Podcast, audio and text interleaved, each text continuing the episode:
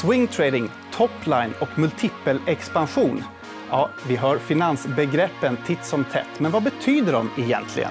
Idag så ska vi göra en djupdykning i börslingo och finansfloskler. Varmt välkomna till EFN Marknad. Och välkomna säger jag också till dagens gäster. Det är Tova Larsson, utbildningsansvarig på Unga Aktiesparare och Karl-Henrik Söderberg, eh, analysansvarig på Aktiespararna. Hur mår ni? Mår bra. Kul att vara här. Ja, Ja, verkligen. Kul att ha er här. Eh, hörni, idag eh, ska vi alltså prata om begrepp och uttryck från finansvärlden. Hur känns det? Ja, men spännande. Vi hoppas att vi löser det här nu. Men det Ja, tror verkligen. jag. Och det här tugget har vi varje dag på jobbet. Så att det, det borde ju passa som. Precis. Eh, en del har ni fått veta innan, några har ni inte fått det. Eh, så vi ska se hur det går här. Eh, men jag tänker liksom först, om man inte har så stor erfarenhet av finansvärlden och så, tror ni att många uttryck och begrepp kan göra att det blir lite svårt att hänga med ibland? Det skulle jag säga att jag är helt övertygad om. Eh, Det är kanske någonting man ser i de flesta branscher. Men just i vår bransch kan jag tycka att vi har en tendens att vara lite exkluderande. Vilket på så sätt kan, kan höja trösklarna för exempelvis någon som är ny på börsen. Ja. Eh, Så det kan vara och kanske också ett sätt att vet inte, inge någon typ av förtroende. Om du går till banken exempelvis, om de slänger sig med vissa uttryck så kanske du känner dig lite mer mindre. Du känner att kanske du kan lite mindre och då känner du att det inte är samma impact eller power. Så, Eh, så, så det tror jag absolut. Och också, ju mer man lär sig, desto lättare blir det att nämna begrepp som man själv inte tänker att det här kan vara svårt att förstå. Men att, ja, för att ju mer man kommer in i det, desto mer tror man att andra också kan. Så det kan vara klurigt att förklara på ett pedagogiskt sätt. Mm, ja, men verkligen. Vi får se om tittarna blir lite klokare idag. Då, i alla fall. Och vi får se hur spretigt det blir. också. Men jag tänkte i alla fall att vi skulle börja med ett litet miniquiz eh, för att lätta upp det hela lite grann. Då, eh, där vi helt enkelt testar vad ni har för koll på eh, vissa finansuttryck. Är ni med? Ja, Jag är redo. redo. Då kikar vi på första uttrycket. helt enkelt. Fånga inte en fallande. Yes. Jag ska. Ska, Ja, okej, ja. ska du köra? Kör du. Ja. Ja. Men fånga inte en fallande... Vill att jag fortsätter? Men jag tänker att det ska stå Ja. en fallande kniv. Det Eller fallande stämmer. knivar. Det är helt korrekt. Och vad betyder det? Ja, men att det är lätt att tänka att en aktie har gått ner väldigt mycket och då tänker man att nu, nu är det billigt, snart kommer det vända. Men det är faktiskt så att sannolikheten för ett företag som har gått dåligt innan, det är högre sannolikhet att den kommer fortsätta gå dåligt fortsatt. Och tvärtom, att bolag som har gått bra, de fortsätter ofta att gå bra. Så att inte tänka så här, men det här är en billig aktie. Ja, men det kanske är en anledning till att den har gått ner i pris. Nej, men jag, stämmer in. Just när, man, när man tittar för mycket på en aktiekurs och kanske tycker att det ser ut som att den har fallit mycket. Så det i sig kanske inte ska utgöra det enda i, i, i din köpanalys. Så. Utan gärna se att en aktie kanske då planar ut först och sen kanske man kan våga köpa. Just för att slippa köpa när en aktie går ner 30% så gick den ner 30 till och så 30 till. Ja, men lite så. Eh, ska vi kolla på andra eh, begreppet då, och ropa ett namn när ni tror ni vet? Här har du det. Det där måste vara dansa nära utgången. Ja, då får du svara klart. Ja, där. Ja, nej, men, och det är väl ett uttryck man använder sig av om, om investerare kanske är nervösa kring en aktie. Så brukar man säga att man, kanske, man, är, man, man är ganska nära säljknappen. Det kan vara kanske inför en kvartalsrapport eller om en aktie har gått svagt. Och, ja, men investerare är lite nervösa allmänt. Då brukar man säga att man dansar nära utgången. Att man är, man är snabb och kanske tar hem vinster eller i alla fall begränsa förlusterna. Just det. Håller du med? Ja, Eh, nej, men jag håller med. Ja. Det... Ja, eh, vi går på sista eh, begreppet här. Då. Lägg inte alla ägg i samma... Korg. ja. Ja. Ja, men, eh, det här är ett vanligt begrepp när man pratar om att sprida risken. Att, ja, att vi, man ska inte investera i bara en aktie, men heller inte bara i en bransch. Utan att om du har placerat dina pengar på olika sätt så kommer du inte förlora allt samtidigt. Liksom. Sprid riskerna genom att inte bara köpa en aktie, köp flera eller olika eh, aktier och placera i olika tillgångsslag. Dessutom. Mm. Eh, gör folk det? eller, Ja, I takt med att man lär sig tänker jag att man kan Ja. öka det här. Men det finns väl statistik från nätmäklarna som visar på att eh, småsparare generellt är ganska dåliga på det. Jag tror snittet är kanske två aktier i portföljen. Eh, Hur många ska man ha? Då? 10-15 är Ja, väl en klassisk exakt. regel. Det känner man igen. Ja, bra jobbat, tycker jag. Eh, full pott. tvåa till tvåa. Eh, vi ska säga det också att det kommer lite fler finans, eh, finansfloskler längre fram i programmet. Svårt ord det där. Eh, men nu tycker jag vi dyker in på begreppen. Och de här har ni faktiskt fått innan. Så nu blir det väl bra och pedagogiska förklaringar, hoppas vi. Mm. Ja, första då. Day trading versus swing trading. Det här är ju två begrepp man hör ganska ofta ändå. Ja. ja. Ja. men det är vanligt vid ja, teknisk analys använder ofta daytraders och swingtraders. Och där kan man se att ja, men en daytrader då köper man en aktie eller någon annan typ av tillgång och behåller den under en dag. Och så kan man köpa och sälja liksom under för att få korta eller liksom snabba vinster eh, eller förluster. Ja, just det. Är det det som kallas intradag? Då, eller? Ja, men det brukar vara under, under en dag. Mm. Eh, och swing traders, en lite längre period. Och där finns det väl inget riktigt så här, det måste vara men längre än en dag, men mm, ja, kanske någon vecka och ja, ja. lite längre period. Längre än en dag, men kortare än ett kvartal? Ja, mm. något sånt. något sånt. Lite längre än daytrading i alla fall. Mm. Ja. ja. och bara flika in där. Ja. Daytrading handlar väl mycket om att man vill slippa sitta med risk över natten. Så att det inte hända någonting i nyhetsflödet eller japanska börsen eller för den delen amerikanska eller svenska stängt. Att man väljer liksom att försöka begränsa risken och därför vill man gärna sälja då mm. innan dagen är slut. Just det. Eh, vi går på nästa. Eh, top line versus bottom line. Ja, och det, då går vi till eh, resultaträkningen hos mm. bolagen. Och topline, och det här pratar man mycket om i mm. rapportperioder som, som nu. Så pratar man ofta att bolaget slår topline-förväntningarna. Då handlar det om omsättningen i bolaget. Det är alltså högst upp i, i, resultaträkningen. Och bottom line är vinsten då, längst ner när du har, liksom tagit, när du har justerat för alla kostnader. Mm. Så att antingen så kan man ju då prata om vinster eller omsättning. Och det där har vi också sett nu på börsen. Tycker jag att det är ännu mer fokus på, på vinster än på omsättning kanske har varit tidigare. Så topline omsättning det är vad, vad bolaget eh, får in för ja. försäljning till exempel? Ja, om man, precis. Om man säljer. Ja. Mm. Och sen justerat för alla kostnader. Så mm. mm. Mm. För ett företag kan ju, ja, men man kan ju växa på olika sätt. Antingen är det omsättningen som växer eller så kan man mer effektivisera och liksom mindre kostnader. Och då kan ju faktiskt bottom line eh, växa på det sättet. Just det. Verkligen. Mm. Vi hoppar raskt vidare till nästa, som är BAS versus HÅS. Om vi börjar på med HÅSA, så eh, det är oftast när det är positivt, att man är positiv till marknaden. Vi tror på marknaden och det kommer, liksom, vi tror att det kommer öka. Och då kan man också nu, sa du hås, men man kan också göra det till ett verb, att, att håsa ett företag. -huh. Det är ofta att man liksom, jag eh, har köpt den här aktien och jag vill eh, få upp kursen och liksom vill mm. sprida det. Och det är faktiskt olagligt att liksom köra försöka påverka ja. marknaden eller kursen. Men man kan ju också liksom sprida positiva budskap om en, en aktie som man, man tror på. Och då mm. brukar det kallas för HÅSA. Mm. Och BAS är ju då det motsatta. Eh, oftast när, när jag använder det kanske så vill beskriva humöret på börsen generellt. Nu är det HÅS, då är generellt investerare positiva. Och är det BAS, då är investerare lite mer negativa. Och det finns också jättemånga indikatorer som försöker mäta hur investerarna mår, hur pass positiva eller negativa de är. Just det. Ja. Eh, jag minns det ordet för att jag spelade ett brädspel när jag var liten som hette Finans. Mm. Och då var ett kort som man fick dra upp så stod det jag läste då House på börsen. Ja. Jag visste inte alls vad det var, men det betydde positiva saker eh, i mm. spelet. Så att, eh, ja, ett ord som har hängt med mig länge i alla fall. Mm. Eh, vi går på eh, nästa begrepp, eh, versus begreppen här. Eh, multipel expansion versus multipel kontraktion. Ja. Låter avancerat det här. Ja, det är långa ord. Mm. Eh, tycker också man kan läsa ganska mycket om i, i dagspressen eller i analyser. Och det handlar ju om att när vi tittar på, på aktier så värderar vi dem.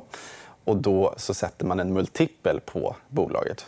Typ PE 15. Man är beredd att betala 15 gånger årsvinsten för ett bolag. exempelvis. Mm. Och Om man då kan argumentera för att aktien kanske ska gå upp till P 20 då ska man då se en multipel expansion. Värderingen ska helt enkelt bli högre. Och multipel kontraktion, då ska värderingen falla. Och så kan man ha olika argument för det. Det kan vara allt ifrån att ett bolag kanske ska värderas upp för att man har en mer stabil affärsverksamhet nu än tidigare eller man kanske kan uppvisa högre tillväxt och vice versa. Och också lite beroende på, skulle jag säga, om man går tillbaka till HÅS och BÄS så kan det vara så att en multipel kan förändras beroende på marknadens humör. Och det har vi sett nu på börsen. Räntor har stuckit och det är också liksom, eh, ska man säga, kontraktions... Det bidrar till att kontrahera multiplarna på börsen. Eh, så det är också en faktor som väger in. Så helt enkelt om en värdering ska upp eller ner. Mm. Men det här, brukar ni höra det här i debatten, de här uttrycken? Just multipel? Ja, det förekommer? Ja. Jag tycker det är väldigt vanligt faktiskt. Ja. Ja. Ja, men bra förklarat. Eh, det var finansbegreppen. Eh, nu återgår vi till finans, finansflosklerna. Det måste vara dagens svår, mest att ord.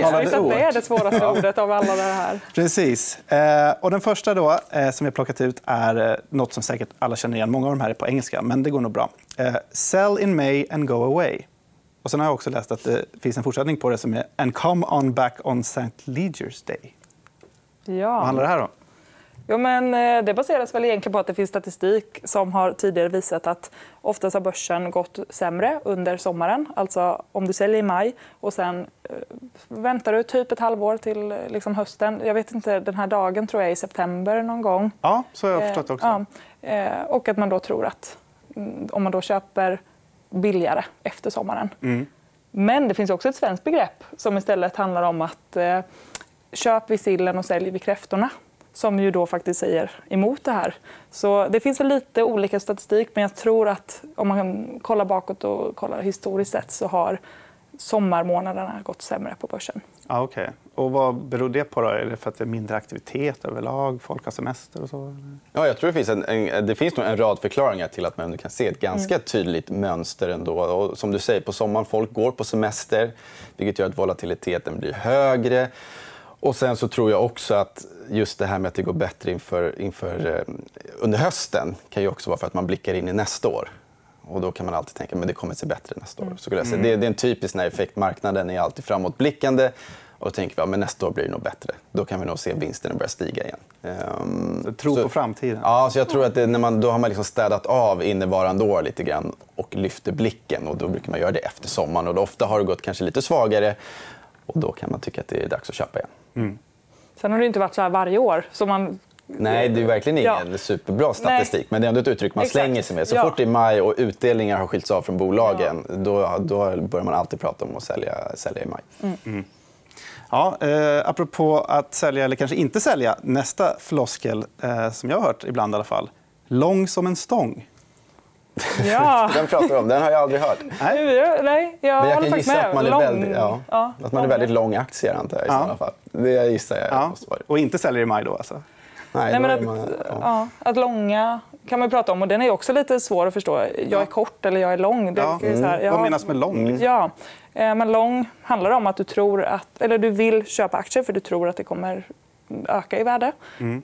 Att jag är kort eller jag, jag kortar, då istället så blankar man en aktie. Att man tror att aktien kommer gå ner och vill tjäna pengar på nedgång. Mm. Lite långsiktig och kortsiktig. Kan man säga det också? Ja, eller nej, det skulle inte jag säga riktigt. Tycker Nej. du det?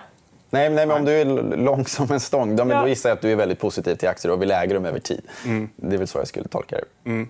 Ja. Eller- Eller så är det att man är väldigt långsiktig i sitt sparande.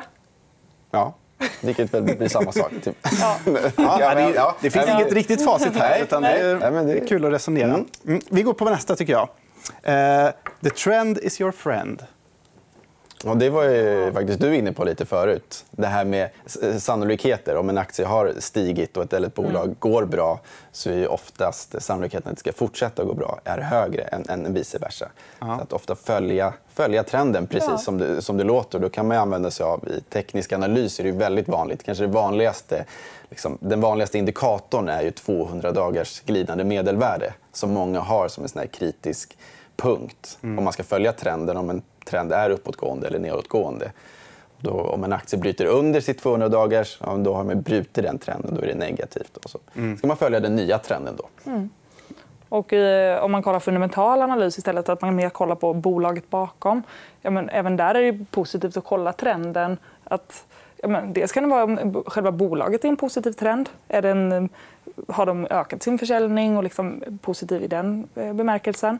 Eller att de liksom är inom en bransch som också man kan se en positiv... Att vi tror att den här branschen kommer kunna växa och då kommer det förmodligen vara lättare för bolaget också. Ja. Men jag skulle ändå säga att teknisk analys, där är det ännu vanligare att kolla på trenden. Jag, jag, jag tycker det är intressant, för just det där med att slänga sig in i bolag som går dåligt i hopp om att de ska börja gå bra. Ja. Ehm, att liksom investera i såna här typiska turnaround-case. Ja, fånga den fallande kniven. Ja, men lite grann så. Men, men ett bolag som, har, som har kanske upplever flera motvindar samtidigt eh, tenderar till... Det är ofta svårt att pricka rätt där. Just att det kanske är bättre att faktiskt investera i ett bolag som, som tuffar på, som går bra. Och att eh, sannolikheten är, är större att det ska fortsätta gå bra. Är det, har det att göra med momentum också? Eh, Att liksom, det finns ett, en rörelse framåt som är positiv för företaget? Ja, men det skulle jag säga. Sen så det är klart, man väger in olika variabler. Vi vet att det kan gå jättefort. Alltså, en aktie kan ju gå fantastiskt starkt och sen så kanske det kommer några regulatoriska risker som ingen kunde se. Men, men generellt så skulle jag säga ja. Om ett bolag känner en medvind, man har strukturella trender i ryggen och man har en lönsamhet som är stabil eller går bättre. Så har man det momentumet så ja, då är sannolikheten större att det går bättre. Vi går på eh, ett begrepp till här. Eh, when in trouble, double. Är det nåt ni skulle rekommendera? Ja, men eh, både och. Om man har en aktie som har gått väldigt dåligt, eh, ja, då är den billigare. Eh, nu pratar vi dock också om att om det har gått ner väldigt länge under en viss period, ja, men då kanske inte, det kanske finns en anledning till att det har gått ner. Men det finns också mycket som visar att eh, när vi alla har liksom hög tro på aktiemarknaden och håsat upp de här aktierna ja, men då kan man känna att nu finns det ingen risk med att investera. Alla tjänar pengar på aktier. Men det är egentligen då det är som dyrast och det kan gå ner som mest. Så eh, Ja, och, och man då tänker tvärtom att ja, men nu har det gått ner mycket, många är rädda. Nej, man kan inte börja investera nu. Det är egentligen billigare just då. Och då kanske man ska dubbla. Ja. Eh, vi tar en eh, sista. Eh, timing the market eller time in the market. Ja, och då är vi inne på om man ska, vi var lite inne på det förut kanske, om man, om man ska försöka tajma marknaden, om man ska försöka, eh, försöka sälja på toppen och köpa på botten. Eh, det vet vi är lättare sagt än gjort. Timing eh, anses omöjligt, men man kan ju försöka ibland. Å andra sidan ska man då bara ha is i magen och långsiktigt spara. Och det där det är ju det generella rådet. Samtidigt som jag tycker man ska ha respekt för att exempelvis det tog fyra år från aktien, aktiemarknaden att återhämta sig från finanskrisen. exempelvis. Så fyra år tog det från att komma tillbaka till samma nivå. Så man, ska, man ska komma ihåg det också när man tänker att det bara är att vara långsiktig. Om man drar ut kurvan jättelångt så ser man ju alla kriser. Och det är klart att trenden är ju uppåtgående och bolagen genererar ju vinster. Så att, eh, ja, det får bli slutorden i dagens program. Jag hoppas att eh, tittarna har eh, ja, lärt sig något om eh, de uttryck som vi hör titt som tätt i finansvärlden. Stort tack, Tova Larsson, utbildningsansvarig på Unga Aktiesparare och Karl-Henrik Söderberg, analysansvarig på Aktiespararna, för att ni kom hit idag. jättekul att vara här. Tack! Eh, Och stort tack även till dig som har tittat på EFN Marknad. Om du tycker om programmet så gå gärna in på Youtube och ge oss en tumme upp där. Vi ses nästa gång. Hej då!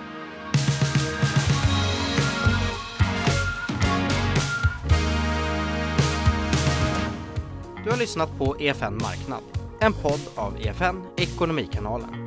Mer om ekonomi och aktier finns på efn.se.